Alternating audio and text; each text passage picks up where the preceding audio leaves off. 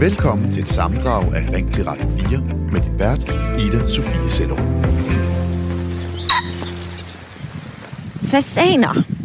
For i Danmark så bliver der udsat næsten en million fasaner om året, og det gør man for, at de kan jages, skydes og spises.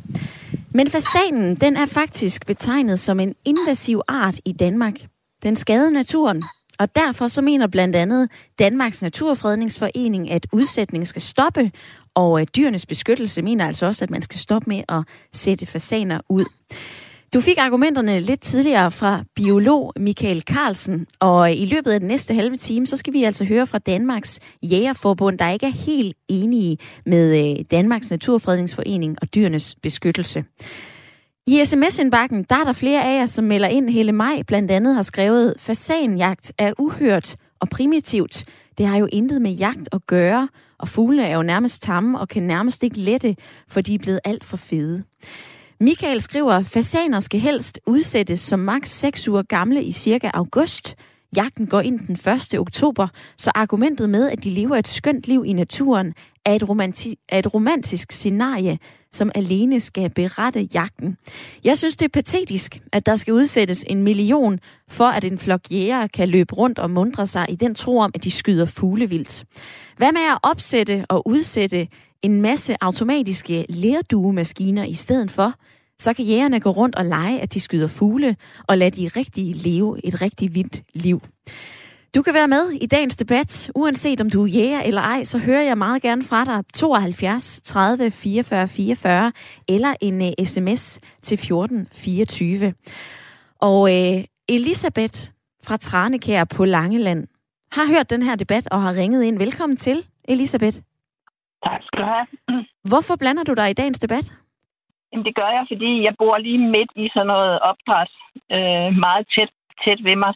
Og øh, jeg synes, jeg er helt enig med Danmarks Naturfredningsforening, at, at det virker som en invasiv art, fordi vi har så mange fasaner efterhånden, og, og de rykker jo balancen i naturen. Blandt andet har jeg de sidste ja, 10-12 år næsten ikke set en rev. Øh, ræve bliver udryddet, fordi de er en trussel mod fasanerne, der bliver opdrettet. Og havøren er blevet forgiftet, og øh, altså hele den her øh, øh, jagt på dem, som er efter fasanerne, øh, giver jo en, en stor ubalance. Så, og så synes jeg, det er det mest øh, latterlige at se sådan en 20-30 mænd stå på en lang række og skyde på nogle fasaner, som ikke er særlig gode til at flyve. Øh, Hvorfor er det latterligt? Jamen, det er jo en mærkelig form for underholdning, altså, at, at der skal gøres så stort et nummer ud af at opdrætte nogle fugle, altså, hvor man, hvor man udrydder deres fjender, øh, og så står man der på en lang række og skyder. Øh, altså, der er ikke meget jagt i set med sådan en gammel bybros øjne. Har du øh, sagt noget eller gjort noget selv i forbindelse med det her, nu hvor du har set, at øh, der er et stort spild, og de er skadelige, de her fasaner? Ikke andet end jeg brokker mig, når havlene flyver ned over vores tag, fordi de kommer for tæt på, når de står og skyder dem. Men, øh, men ellers så oplever jeg, at det er så noget, der er så stort, at man ikke kan, som almindeligt borger, det er ikke noget, man sådan kan blande sig i. Der er jo penge i det. Elisabeth, tak for den beretning fra øh, Langeland. Hjalte i lytterpanelet, hvad siger du til beretningen her?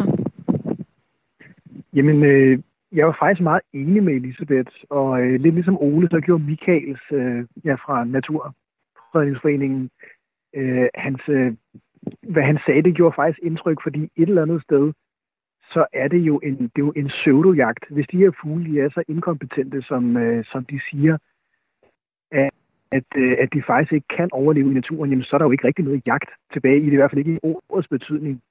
Øh, så er det måske mere sådan et, et skydetelt for, for folk, der ikke rigtig er interesseret i at rent faktisk ud og jage noget, altså i går så en vildt, Aha. Øh, ved, altså, hvis de her fugle de er så tamme. Så det bør ikke, synes jeg, være så let at slå ihjel. Altså, ja, det er jo så meget, meget dobbeltmoralsk, at jeg så selv spiser kød, kan man sige, fordi det er jo ikke, fordi det er svært at slå, eller svært at købe en bøf, men hvis man kalder det jagt, og det er så let at slå ihjel, så synes jeg, at man så må man finde et andet ord for det. Et levende skydetelt eller eller andet. Nogle af pointerne, som du refererer til her, Hjalte, de kom fra øh, Michael Carlsen, biolog ved øh, dyrenes beskyttelse. Der er også nogen, der siger, jamen prøv at høre, fasanjagt er for jæger, hvad øh, en pudenteksø er for lystfiskere. Er det ikke sådan, det er? Jo, et eller andet sted, og jeg ved ikke, hvilken påvirkning de fisk, man sætter ud på den teksøer har. Øh, det der jo kan være med søer, det er, at de jo lidt mere isoleret end, øh, end landjorden. Så hvis man vælger, jamen den her sø sætter vi fisk ud i, så kan fiskene jo ikke hoppe over til næste sø.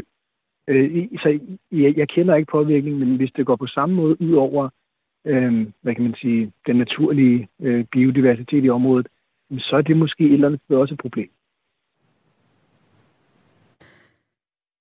Lytter du med i den her fasan-debat, så øh, vær lige med og give lyd.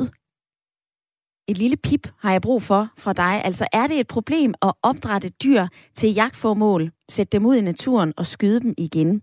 Vi har hørt en hel del fra øh, flere, som siger, prøv at høre, det er usmageligt, at vi sætter fasaner ud i øh, naturen.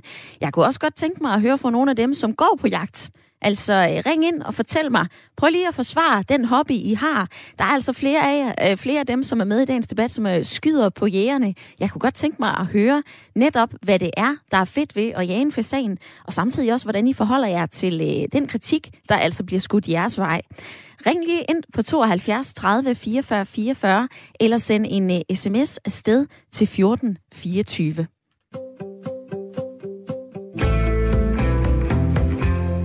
nu har jeg efterlyst lyttere, som går på jagt.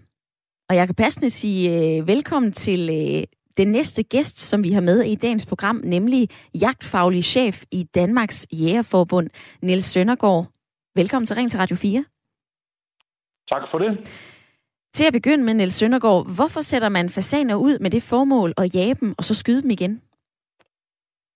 Det gør man, fordi det giver nogle øh, spændende naturoplevelser, og for mange jægere, så er det en meget sådan, traditionsbunden jagt, den her jagt på udsat vildt.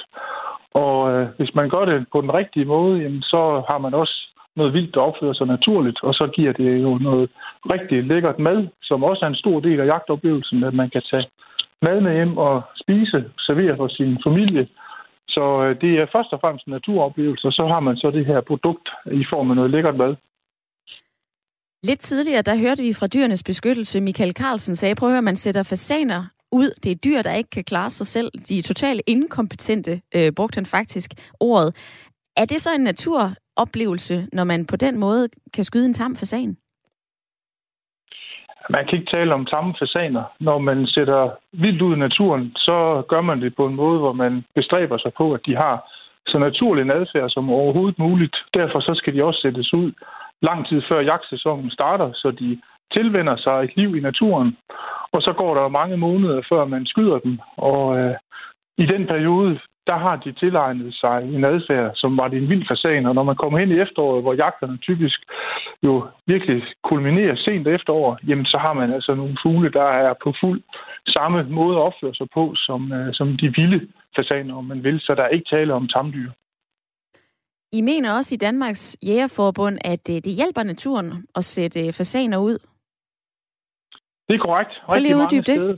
Jo, det er korrekt. Rigtig mange steder, der har man bevaret gamle levende hegn med stor naturværdi, remiser og søer, fordi man har en interesse i at have jagt, og herunder også kan sætte fugle ud. Og når man skal sætte fasaner og ægerhøns ud i Danmark, så er der også nogle krav til, at man skal gå ud og arbejde med biotopen. Man skal lave en biotopplan og udføre tiltag på ejendommen, som faktisk er målrettet ikke fasaner eller ærehøns, men nogle af de arter, som i det åbne land har det svært, nogle sårbare arter. Så på den måde så er fasan og agerhøns udsætning med til, at en hel masse andre dyr, der har det svært i det danske landskab, at de får bedre livsbetingelser. Og vi er jo desværre i en situation, hvor der er rigtig mange problemer med den natur, der er ude i det åbne land. Og der kan fasanudsætning altså indirekte medvirker til, at der opstår mere natur og bedre natur. Og det er også strikket sådan sammen med de her biotopplaner, at det skal tilgodese biodiversitet. Så der er altså i den grad tale om en aktivitet, der er med til at betale for, at en privat lodsejer er nødt til at gå ud og foretage sig noget for at forbedre naturen, ud over det, han i forvejen vil gøre. Aha. Hvordan hænger det så sammen med, at fasanen den bliver betegnet som en invasiv art, altså en art, der inden for biologien har spredt sig kunstigt og kan være med til at skade naturen? Det tænker jeg, det er meget noget juristeri. Det er mange år siden, at man opfattede fasanen sådan, og man skal huske på, at fasanen i Danmark har jo mange, mange hundrede år på banen. Det er mange, mange hundrede år siden, at der første gang blev introduceret fasaner i den danske natur. Og jeg tror faktisk, der er mange almindelige mennesker i Danmark, der har en stor oplevelse af at møde en fasan, når de går tur i skoven. Flere har nævnt, at fasanjagt er en øh, klækkelig forretning. Altså, øh, hvilken rolle spiller økonomien for udsætning af fasaner? Jeg tror, det er lidt forkert sagt. Øh, det er forholdsvis dyrt, hvis man betaler sig ind på en ejendom for at skyde fasaner, så er det ret dyrt at gøre, fordi det er meget omkostningsfyldt at sætte fasaner ud. Og hvis man rent sådan rent økonomisk skulle kigge på det, så kunne man formentlig få lige så meget ud af at bare lege jagten ud. Men i det øjeblik, man selv som ejer af en ejendom har jagtinteresser, så kan man få nogle flere naturoplevelser ud af det. Og jeg tror, at det er mere det lys, man skal se det. Fordi at uh, masser af mindre jagter går jo også ud på at sætte fasaner ud. Og der har økonomien sådan isoleret set, der er altså ikke ret stor betydning. Og den økonomi, der er på de steder, hvor man sætter rigtig mange fasaner ud, jamen det er et spørgsmål om at få dækket de omkostninger, der er. Det er ikke en guldrendet forretning, men det er en vigtig forretning for at sikre noget naturindhold på de ejendomme, og at man på de ejendomme prioriterer natur. Og det tror jeg er rigtig vigtigt at have med ind i det her billede, at det, at der på en ejendom bliver sat for eksempel fasaner ud, jamen det er med til at sikre, at der er nogle flere naturværdier på den ejendom, der måske ellers ikke ville have været fordi så har man simpelthen ikke råd til at have den der. Hvilken konsekvens vil det have for jer jæger, hvis det bliver gjort uh, ulovligt at sætte fasaner ud, eller hvis der kommer flere restriktioner på udsætningen af fasaner? Jamen, øh, det er da klart, der er mange, der vil miste muligheden for at kan skyde øh, fasaner i det omfang, de gerne vil. Øh, det vil da have den konsekvens, og så vil det, som jeg også har sagt flere gange, have den konsekvens, at der er masser af naturprioriteringer og tiltag for at tilgodese andre arter end fasaner og ærhøns, som så ikke vil blive udført, og det synes jeg, der vil være et tab for naturen generelt set. Tak til dig, Nils Søndergaard, jagtfaglig chef i Danmarks Jægerforbund. Selv tak.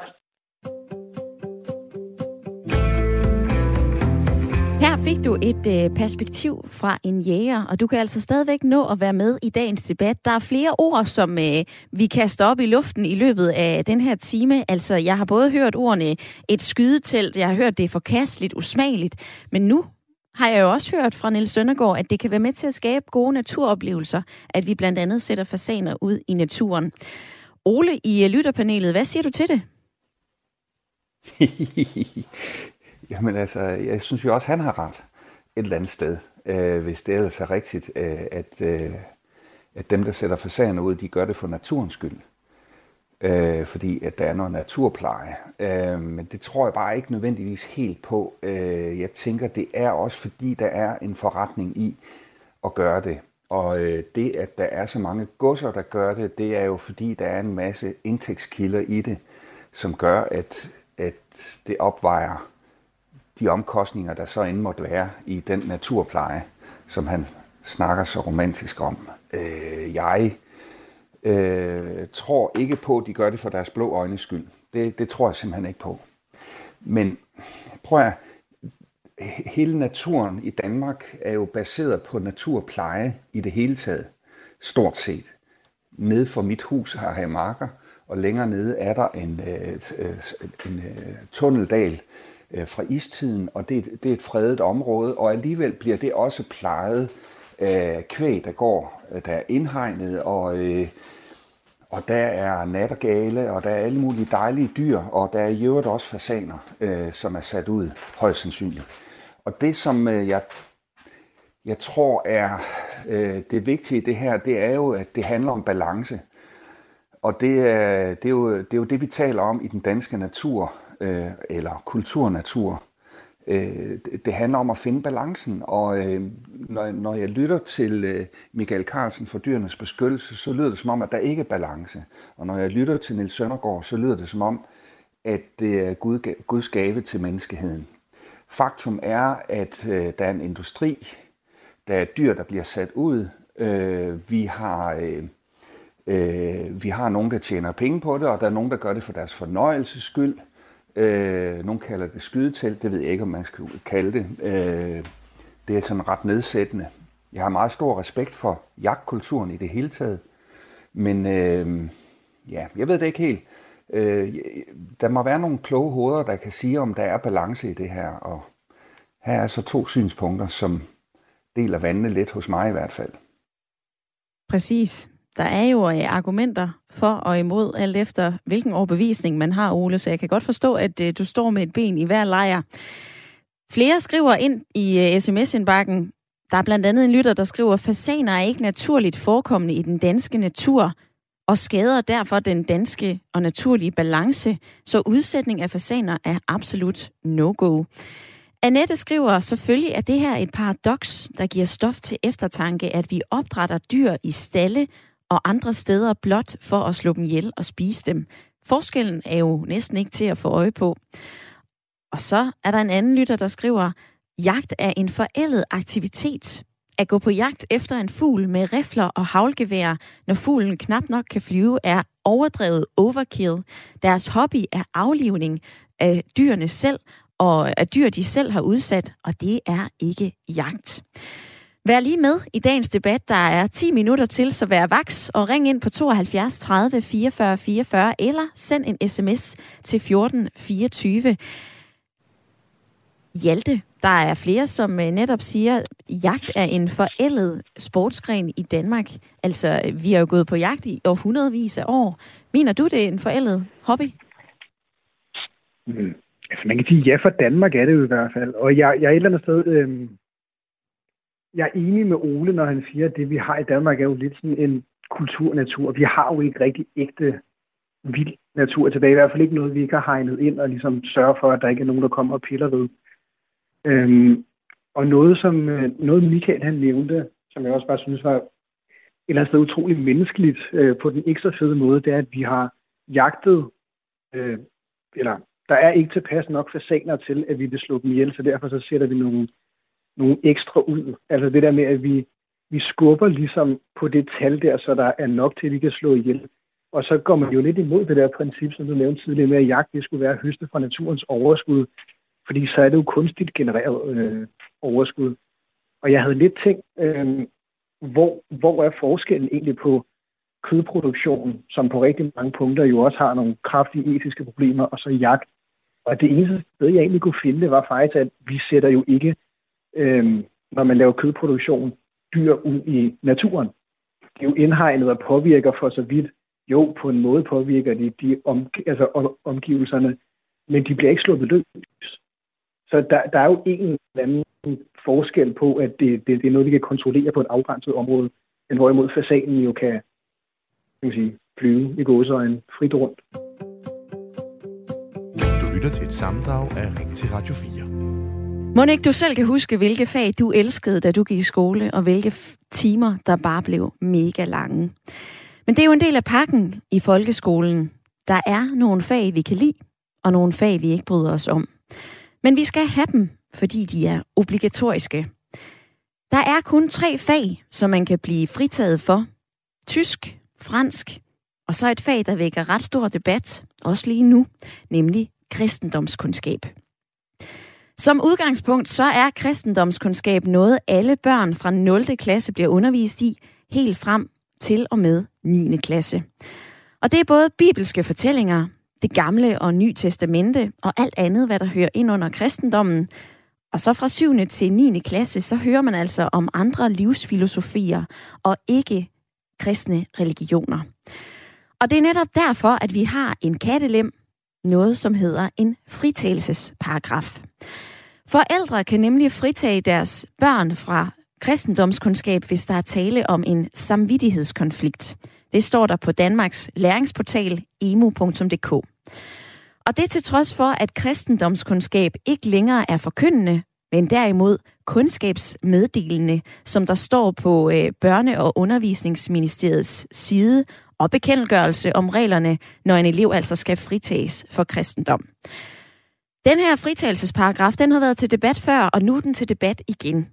Forstår det til Kommissionen for den glemte kvindekamp, så skal vi både ændre navn og indhold i kristendomskundskab til religionskundskab. Det vil nemlig sikre, at ingen børn kan undtages fra undervisningen på grund af familiens religiøse eller filosofiske overbevisning, og at alle børn skal have et bredt kendskab til religioner og religionskritik. Og det her forslag, det hilser man velkommen i Danmarks Lærerforening. I går, der var næstformand Dorte Lange på besøg i Radio 4 morgen, og hun forklarede det sådan her. Vi synes, det er en god idé, at øh, det fag, det tema, hvad skal man sige, det aspekt af verden, bliver belyst med flere vinkler end, øh, end blot, den krist, altså blot kristendommen. Og vi er selvfølgelig også med på, at det er selvfølgelig den, en stor del af det, fordi det er den øh, dominerende religion i, øh, i Danmark. Men hele det der spørgsmål om at blive undervist i religion, øh, er jo et, øh, det, er jo, det er jo bredt. Der er jo mange religioner. Og ved at lave både navn og indhold om, så vil det nemlig også gøre det sværere at bruge den her fritagelsesparagraf. Fordelen ved at brede det ud til at handle om, om andre religioner, også lige fra starten af, det gør jo også, at man med bedre ret kan sige, at så er det her et fag, alle skal deltage i. Og det synes vi faktisk også er en god idé fra kommissionen, at man, øh, man kan ikke bare vælge et fag fra et, i en dansk folkeskole. Nu vil jeg gerne spørge dig, som lytter med her til formiddag. Vi skal ikke tale om selve faget, der skal ændre navn fra kristendomskundskab til religionskundskab. Vi skal tale om det, der ligger bag det her forslag. Nemlig forsøget på at afskaffe den her kattelem og afskaffe muligheden for, at man kan blive fritaget for undervisning. Synes du, at vi fortsat skal have en paragraf, der kan fritage børn fra kristendomskundskab? Eller synes du, vi skal afskaffe den? Det er det, vi skal diskutere i dag i Ring til Radio 4. Du kan fortælle mig, hvad du mener i en sms. Skriv ind til 1424. Du er altså også velkommen til at gribe telefonen og ringe ind på 72 30 44 44. Og dagens lytterpanel er med fra Sjælland, og vi begynder i Græsted, hvor øh, du er med, Cecilie Hagil. God formiddag. Hej. 33 år, gift og har to børn, arbejder som socialpædagog. Cecilie, skal man fortsat kunne blive fritaget for religion, eller undskyld, kristendomskundskab? Nej, det synes jeg bestemt ikke, man skal. Hvorfor ikke det? Øh, fordi at øh, det er jo sådan, så at, øh, at folkeskolen tilbyder en masse undervisning og mulighed for læring øh, fra, øh, fra barns ben, sådan så vi kan blive et oplyst menneske. Så selvfølgelig, øh, selvfølgelig skal der ikke nogen, der skal fritages for det, uanset hvad man selv mener derhjemme. Med i panelet i dag er også øh, Asha Brandrup, 66 år, bosat i Hellerup. God formiddag. Goddag. Asha, jeg kan også lige fortælle, at du har øh, to voksne døtre, som har gået i en, en dansk øh, skole, og øh, så arbejder du som læge og er sundhedskonsulent for FN-organisationer. Asha, hvad mener du om den her fritagelsesparagraf, vi har i dag? Ja, jeg synes, øh, jeg synes ikke, at man skal blive fritaget øh, af religionsundervisning.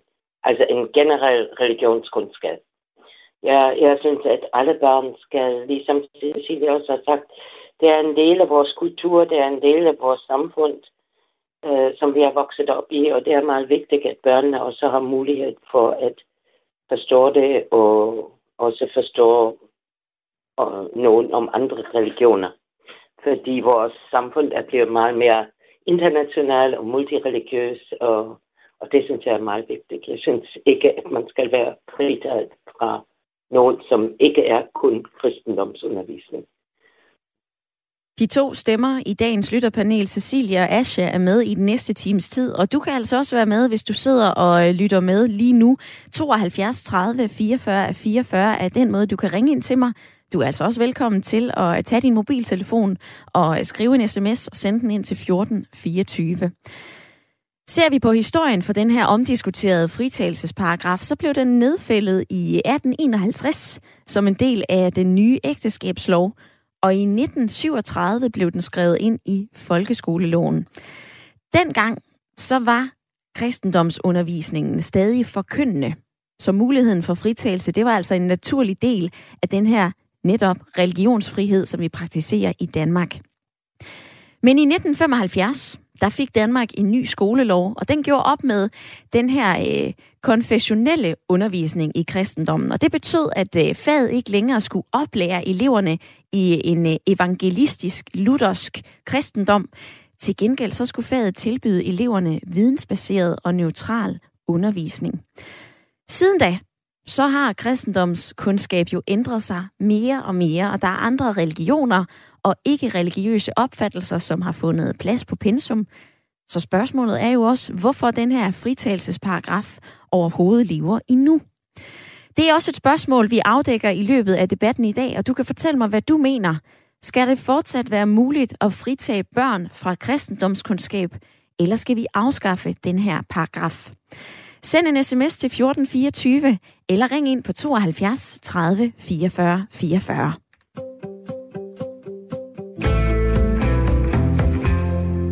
Cecilie, prøv lige at uddybe for mig, hvorfor at man ikke må øh, fritages for øh, kristendomskundskab, hvis det strider mod ens samvittighed, som der står i bekendtgørelsen.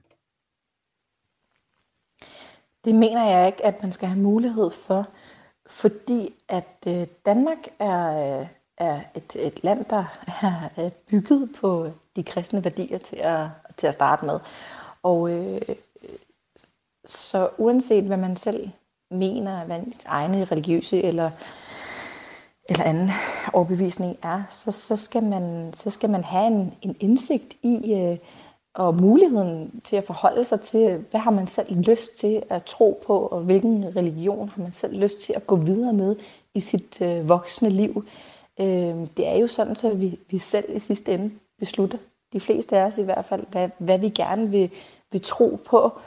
Øh, så, så derfor så skal man have lov til at blive oplyst fra barn, når man er nysgerrig, hvor man synes, at, at læring og leg er, er fedt og sjovt. Vi er allerede den første lytter med fra øh, Vesterbro. Jeg kan sige velkommen til Erik. Øhm, tak. Erik, skal det fortsat være muligt at fritage børn fra kristendomskundskab? Nej, jeg synes ikke, det skal være muligt at fritage børn, hverken for kristendomskundskab øh, og ej heller for øh, religion i det hele taget. Altså, jeg synes, vi i alt for høj grad er analfabeter øh, og har en alt for arrogant holdning til til det helt naturlige øh, i, i verden omkring os, og også for mange af de mennesker, der kommer til vores land, nemlig at, at tro på noget eller nogen.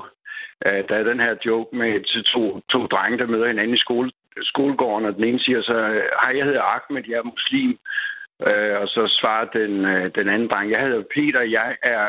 Øh, altså, øh, og kan ikke, så at sige, formulere øh, noget. Øh, og, og, og det, er jo, det er jo en af de, synes jeg, gode ting, vi også der er kommet ud af, at vi har fået øh, flere muslimske medborgere, at der rent faktisk også er mange voksne, der så, så begynder at, at, at, at forsøge at finde ud af, jamen, hvad, hvad er det egentlig, øh, det der med kirken og med, med tro og, og så videre. Øh, så, så øh, nej, vi, jeg synes ikke, at børn skal kunne øh, frasættes. For mig svarer det til at sige, at jeg vil ikke gå til gymnastik, jeg vil ikke forholde mig til, at jeg har en krop. Altså, det, det, det er så naturligt, øh, det at vi øh, har brug for at, at tro på noget. Så, så den her danske arrogance, den, den synes jeg, øh, at det, det er fint, hvis man, man øh, selvfølgelig skal, skal lære om at forholde sig til øh, både øh, kristentroen og, og også andre øh, trosretninger. Mm-hmm. Erik, jeg kan lige få med i ligningen, at du arbejder som øh, fængselspræst i øh, Vestre Fængsel, og du nævner ja. selv her, at andre religioner, som vi også skal have blik for, altså kristendommen, den fylder jo fortsat en stor del af pensum i øh, kristendomskundskaben. Andre ikke-kristne religioner er først et krav fra 7. klasse. Er det så ikke fair nok, at man netop vælger at sige, okay, mit barn skal fritages? Jamen, jeg, jeg kan ikke se, hvorfor man ikke skulle kunne forholde sig til andre regioner før, hvad sagde du, 6. eller 7. klasse? 7. Mm. Ja, jamen altså, hvorfor skulle man ikke også lære om andre trosretninger på et tidligere tidspunkt? Altså, det, det, det forstår jeg ikke rigtig.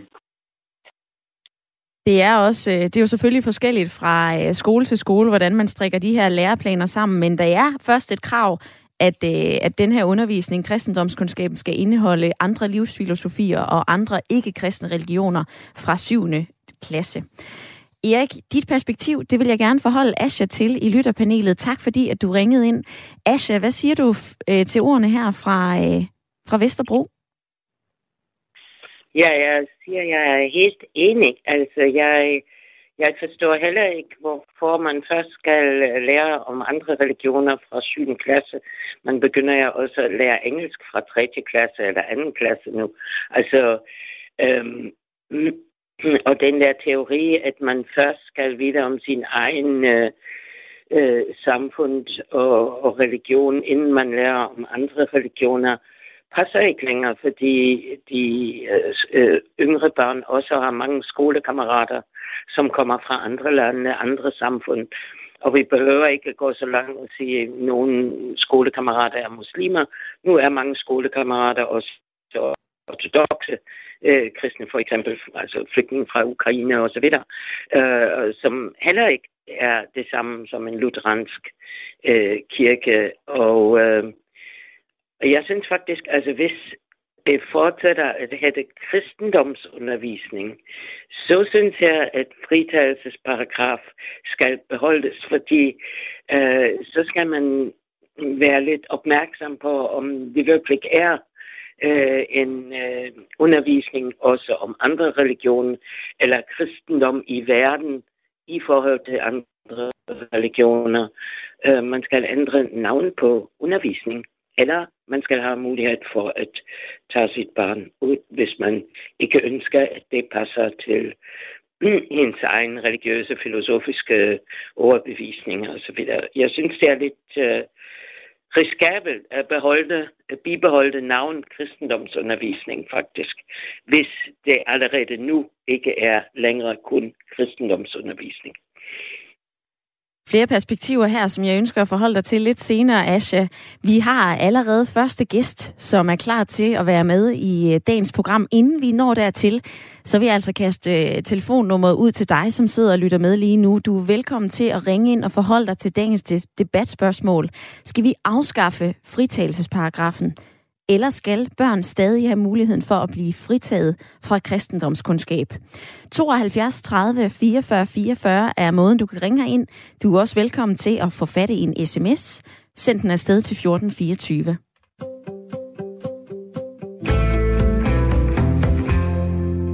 Fritagelsesparagrafen skal ændres, men den er nødvendig, som fagets rammer ser ud lige nu. Det mener vores næste gæst, Karna Kjelsen. God formiddag.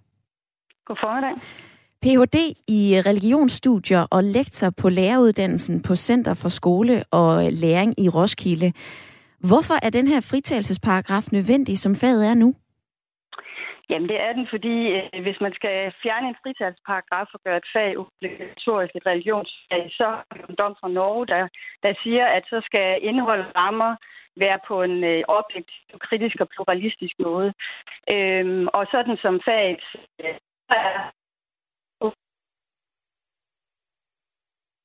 og der er der en lidt knæsende forbindelse til øh, dig i Roskilde, Karne Kjeldsen. Er du med igen? Ja, jeg er med. Fortsæt endelig. Ja, øh, altså der er jo nogle sætning i folkeskoleloven, som I også har været inde på, der gør, at, øh, at, at lærerne ikke er forpligtet på at inddrage andre religioner før i de ældste klasse.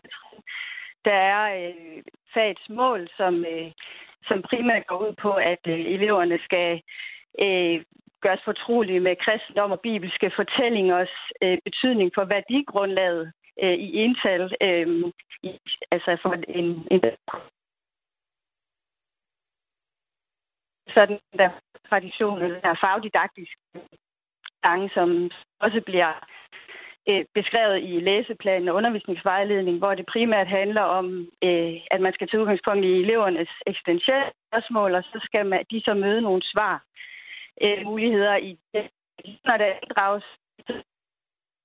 jeg bliver nødt til at bryde ind, øh, Karne Kjeldsen, og bede dig om at træde et sted hen, hvor der måske er lidt bedre forbindelse, fordi at øh, vi kan rigtig godt lide god lyd, og du siger nogle spændende ting, men det er simpelthen svært at høre, hvad du siger, så øh, vi forsøger lige at fikse med en øh, bedre forbindelse, og mens vi gør det, så kan jeg passende læse et par sms'er op. Thomas, han sender i hvert fald den her omdøb faget til religionskundskab, så kan man fjerne fritagelsesretten. Skolen skal ikke indoktrinere folk til en given religion, ikke kristendom, ikke islam, ikke jødedom eller nogen anden religion.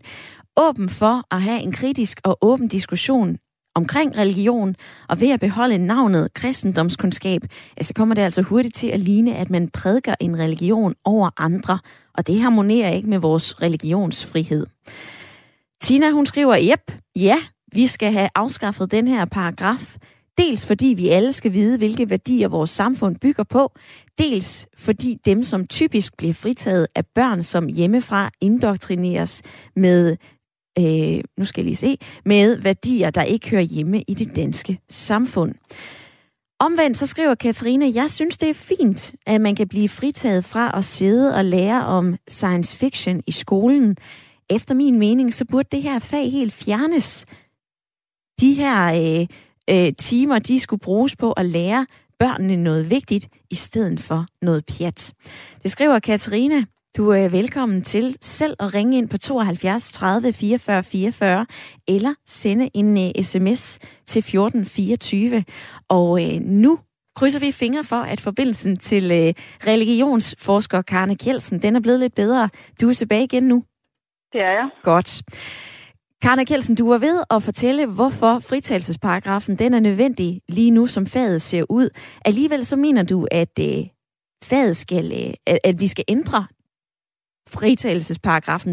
Hvilke ændringer mener du, der skal til? Øh, jamen, jeg mener, at man skal øh, sikre, at det bliver et, øh, et bredt funderet religionsfag, hvor eleverne arbejder fra et religionsvidenskabeligt perspektiv, øh, hvor de får mulighed for at lære om at analysere og diskutere religiøs diversitet og mangfoldighed, øh, kommunikation om religion osv., set i relation til, til andre historiske, kulturelle og samfundsmæssige fænomener osv. Øh, Lige som det ser ud nu, så øh, er fagets rammer og også fagets læremidler, fordi de jo selvfølgelig på en eller anden måde skal leve op til, til de rammer, der bliver udstukket. Der, øh, man skal i hvert fald sikre, at, øh, at der ikke er en kvalitativ forskel i den måde, man inddrager og underviser øh, i andre religioner kontra kristendom på. Øh, og det tyder min forskning på, og også andres forskning, at, øh, at det ikke helt er tilfældet. Der kan selvfølgelig godt være øh, en overvægt af kristendom, men der må altså ikke være sådan en væsentlig kvalitativ forskel på, øh, hvordan de forskellige religioner behandles, hvis man skal fjerne øh, fritagsparagrafen. Faget kristendomskundskab er kundskabsmeddelende og ikke forkyndende, som der står på Børne- og Undervisningsministeriets hjemmeside. Forklar mig lige, hvor grænsen mellem forkyndelse og oplysning går ifølge dig. Jamen altså, hvis det er opløsning, så er det jo, som jeg siger, at, øh, at, at i mine øjne, der, der, der skal eleverne, ligesom de skal arbejde fagligt øh, i andre fag, så skal de lære nogle religionsfaglige øh, metoder og teori og fagsprog til at kunne øh, undersøge religiøse fænomener til at kunne se på dem udefra, og selvfølgelig også øh, inddrage øh, indefra perspektiv, altså hvordan hvad folk øh, gør og øh, forestiller sig osv., og, og hvilke konsekvenser det har i øh, relation til samfundet osv. Øh, der, hvor, hvor at, øh, jeg mener, der er problemer, altså jeg, jeg vil ikke bruge ordet forkyndelse, fordi det indebærer jo lidt, at, øh, at lærer og læremiddelsforfatter osv. Øh, har en intention om, at øh, børnene skal være kristne, og det det mener jeg ikke, at de har, men det er jo hele den her, øh, det samlede billede, der, der opstår, når for eksempel øh, at det primært er kristendom og bibelske fortællinger, der bliver øh, behandlet og sat i relation til, til elevernes øh, eksistentielle spørgsmål, til livsfilosofiske emner, til almindelige menneskelige emner, som, øh, som danner udgangspunkt øh, for meget undervisning, altså øh, lære at være gode venner og tilgive kærlighed osv. Øh, hvorimod, når man så lærer om andre religioner, så, så kommer det til at handle om de her øh, religiøse praksisformer, og, og, og, og så ser man så kun de her religioner øh, udefra. Mm-hmm. Øhm, ja. Hvorfor kan man så blive fritaget fra kristendomskundskab, hvis faget netop ikke er forkyndende? Øh, jamen altså, det kan man jo, fordi øh, altså, når man ser på, hvad politikerne, når de har drøftet den her fritagsparagraf, så ved de jo godt, at øh, faget øh, ikke kan leve op til de krav, der er for at fjerne sådan en fritagelsesparagraf. Det er der jo flere af dem, der har udtalt. Øh, der er jo også flere af, af, af de politiske partier, der har foreslået at fjerne den her i hvert fald tilbage i tiden, der jo ikke ønsker, at det skal være et bredere religionsfag, men, men jo ønsker, at det skal være det her national, kulturelle, kristne øh, fag, hvor alle elever, øh, og især muslimske elever, øh, skal socialiseres ind i nogle bestemte værdier, eller såkaldt danske værdier, som man så mener eller postulerer hænger direkte sammen med, med kristendom og bibelske fortællinger osv. Øhm, så, så fra politisk side har man jo en helt særlig idé om, hvad det her fag det skal. Øh, og selvom der er enkelte partier, der, der også ønsker at fjerne øh, paragrafen og, og vil gøre det til et bredere religionsfag, så har der jo indtil videre i hvert fald ikke været flertal for det, fordi man, man godt ved, at, øh, at man kan risikere en retssag for eksempel øh, i den europæiske menneskerettighedsdomstol. Du lytter til et sammendrag af Ring til Radio 4. Det skal være slut med indkøb i detail- og dagligvarerbutikker. I hvert fald, hvis det står til tidligere udviklingsminister fra de radikale, Christian Friis Bak. Han foreslår nemlig, at vi indfører søndagslukket for butikker større end 100 kvadratmeter. Hvorfor det? Jo, det kan spare på energien og strømforbruget ved at holde lukket. Det kan få flere til at vælge de små butikker, som stadig kan være åbne. Det kan mindske stress og jag, fordi muligheden for at handle simpelthen ikke er der. Og så nævner Christian Friis Bak også, at det kan frigive nogle hænder, som kan øh, arbejde andre steder. Han har et simpelt regnestykke i hans debatindlæg i Jyllandsposten, at hvis man holder søndagslukket i de store butikker, så vil det altså kunne frigøre over 10.000 medarbejdere til anden beskæftigelse. Omvendt, så melder flere kritikere sig i rækken af det her forslag. Blandt andet Dansk Detail. De kalder det konkurrenceforvridende, hvis nogle butikker må holde åbent, og andre ikke må. Og desuden er det så netop ikke den frihed og mindre stress og ja, at vi har muligheden for at handle, også på en søndag, også når vi har måske endelig tid efter en travl uge til at få styr på, åh, oh, hvor meget råbrød er det nu lige, vi mangler, og er der mælk nok i køleskabet? Debatten den er flersiden.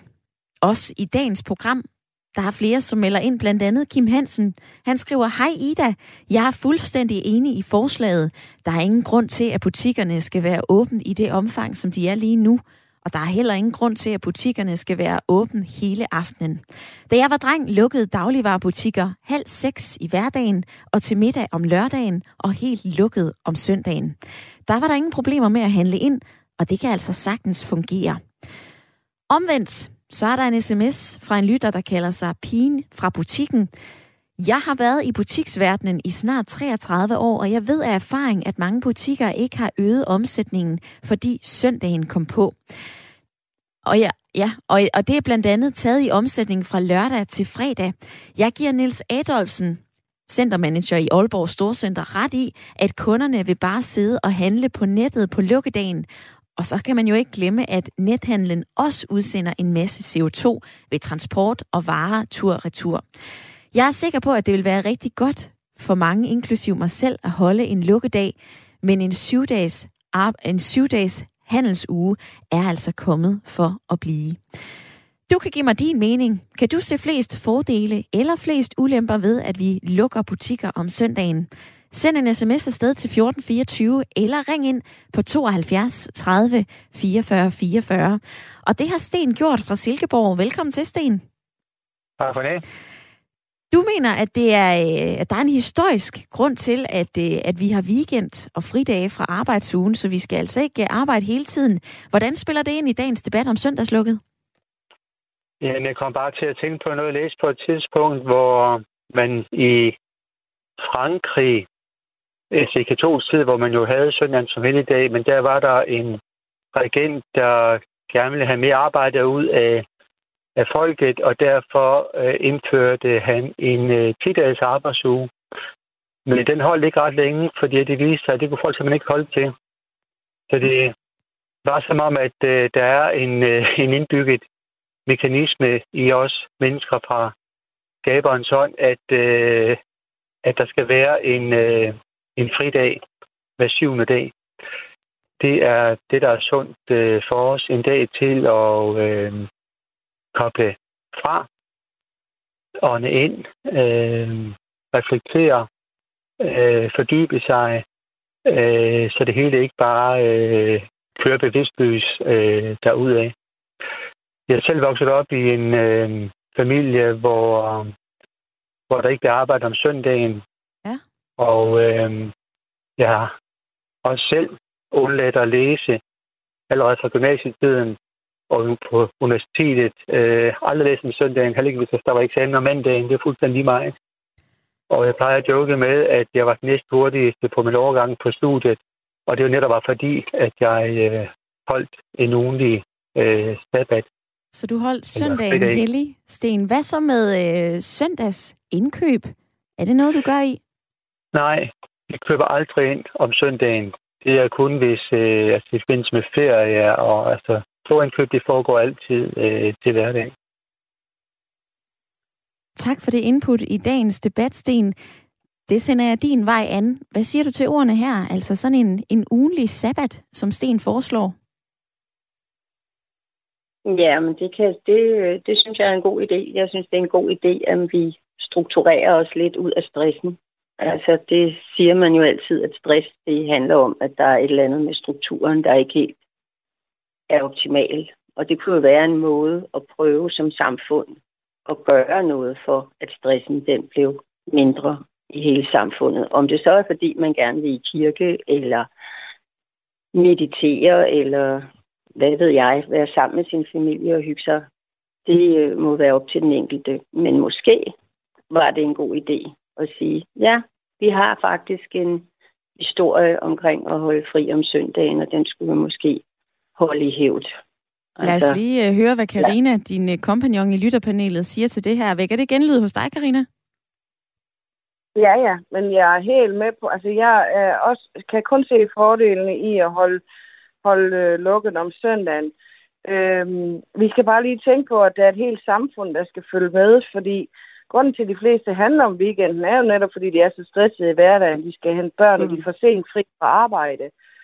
Og de skal nå det ene og det andet, og børnene skal til fodbold og ridning, og du skal selv ud og træne, og du skal selv svømme, og, og jeg skal komme efter dig, hvad man skal nå. Så måske hvis hele samfundet følger med på den her vogn, hvordan de løser det, det, det, det skal jeg ikke gøre mig til herover. Men hele samfundet skal jo følge med, hvis vi skal lukke forhandling i weekenderne, som David sagde, både søndag og lørdag. Og det er jo nok der, øh, skoen den trykker lidt. At vi skal måske til at, og enten er der nogen, der ikke skal have så lange arbejdsdage, og så videre. Og det, det, jeg tror, det er der, skoen den trykker lidt for samfundets syns. Så, så, så hvis, det, hvis hele samfundet kan følge med, så synes jeg, det er en rigtig god idé. Og jeg synes også, det er en god idé uden, men det er godt, det ikke er mig, der skal rode den ud. Hvorfor ikke det? ja, men, fordi, puha, hvis jeg sad over på Christiansborg og skulle til at diskutere øh, med fagforeninger og så videre og overenskomster om øh, arbejdsdage. Vi har den, den har næsten lige været op. Det er ikke så lang tid siden, der var nogen, der var ude og lege med ideen om en fire-dages arbejdsuge. Det gav ikke så god genlyd. Nej. Nej. Så øhm, ja, det er godt, det ikke er mig, der skal råde den der ud, hvis det er, at, at, at der bliver lukket om søndagen, fordi så kommer der nogle øh, problemer. Og jeg vil give Niels ret, og også den anden lytter, der havde været i butik i mange år, det bliver bare flyttet til net, nethandlen så. Mm-hmm. Fordi man har ikke tid om hverdagen. Altså det er så simpelt. Der er rigtig mange, der kører langt fra arbejde for at komme hjem og så videre, fordi alt er flyttet til store byer. Så, øh, så handlemulighederne er jo heller ikke, altså vores lille købmand hernede, de har jo ikke passionsfrugt. Så hvis jeg skal have passionsfrugt, så skal jeg køre 25 km til den store, næste store butik. Så det er sådan nogle ting, der skal, gå, der skal, ja, der skal op i en større enhed, og, og det er jo et kæmpe logistikarbejde. Og det er godt, det ikke er mig, der skal løse det. Men, men det skal vi jo lige tage med i den her debat, at øh, det er jo fint nok at lukke om søndagen, men der er et kæmpe stort arbejde inde bagved, der så skal gøres op. Ja. Så, øhm, så det er godt, Christian han har nogle rigtig gode argumenter, men man skal også lige huske det andet. Hermed sagt og fortalt i lytterpanelet, hvor er det vigtigt, at vi også sætter fokus på det. Jeg vil øh, tilslutte mig øh, Anne og Karina i lytterpanelet. Jeg ville heller ikke være den politiker, som skulle tage de her slagsmål med øh, fagforeningerne i forhold til at holde fri og lukket på, øh, på de forskellige tidspunkter, Karina. Jeg giver dig ret. Det, det må være et lidt større regnestykke. Det er ikke et regnestykke, vi når at komme ind i i løbet af dagens debat, men vi når heldigvis at høre en del holdninger om, om det her det egentlig er noget, som har flest fordele eller flest ulemper. Jeg står og ser ind på en bunende sms-indbakke, og Bente fra Oksbøl har blandt andet skrevet den her. Hvis der bliver søndagslukket i detailhandlen, så løser vi det nok. Alt kan planlægges. I vores ægteskab, så var der to udarbejdende voksne. Den ene med arbejde hver anden lørdag formiddag og to børn. Lørdag lukkede butikker kl. 12. Kun supermarkeder havde åben kl. 13 eller 14, og så var der søndagslukket. Men vi klarede os. Måske behøver, der heller ikke at være, måske behøver det heller ikke at være hele familien, der kan foretage indkøb. Lukkes der søndag, så må vi ændre vaner, og det kan vi nok godt. Så er der en anden lytter, der skriver, at det er altså mere stressende på en søndag at mangle mælk og rugbrød til næste dag, eller bind til sin teenage-datter. Byd ind med dine erfaringer og din holdning til det, vi taler om i dag. Kan du se flest plusser eller minuser ved at genindføre søndagslukket i butikker? Ring ind til mig på 72 30 44 44 eller send en sms afsted til 1424.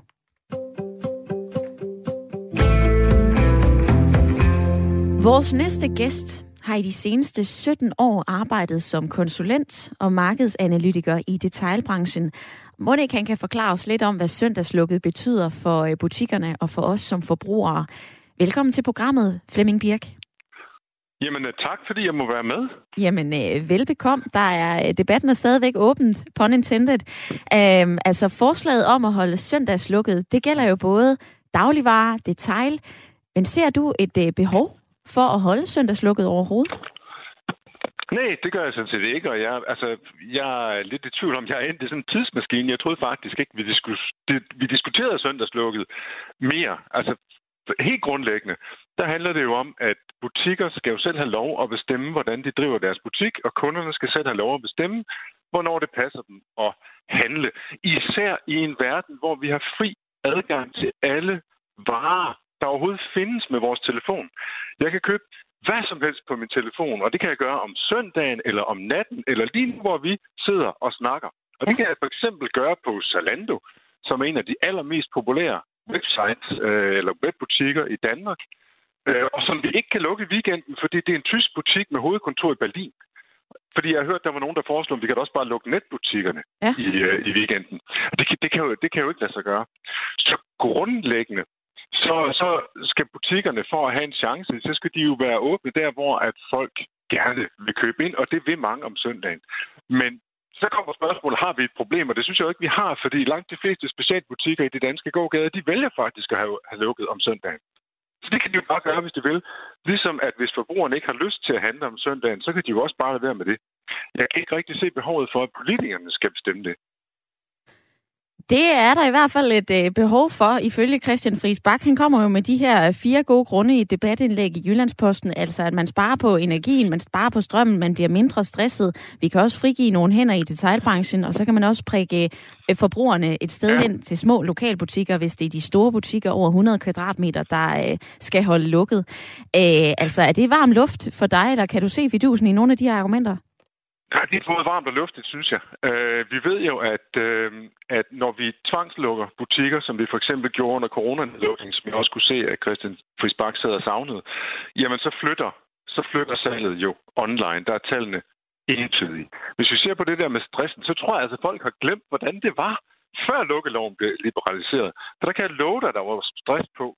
Hver eneste lørdag var ligesom dagen før Kristi Himmelfartsdag, eller dagen før påske søndag. Alle styrtede ud i supermarkederne lørdag formiddag, der var købet ind til søndag, hvor der var lukket.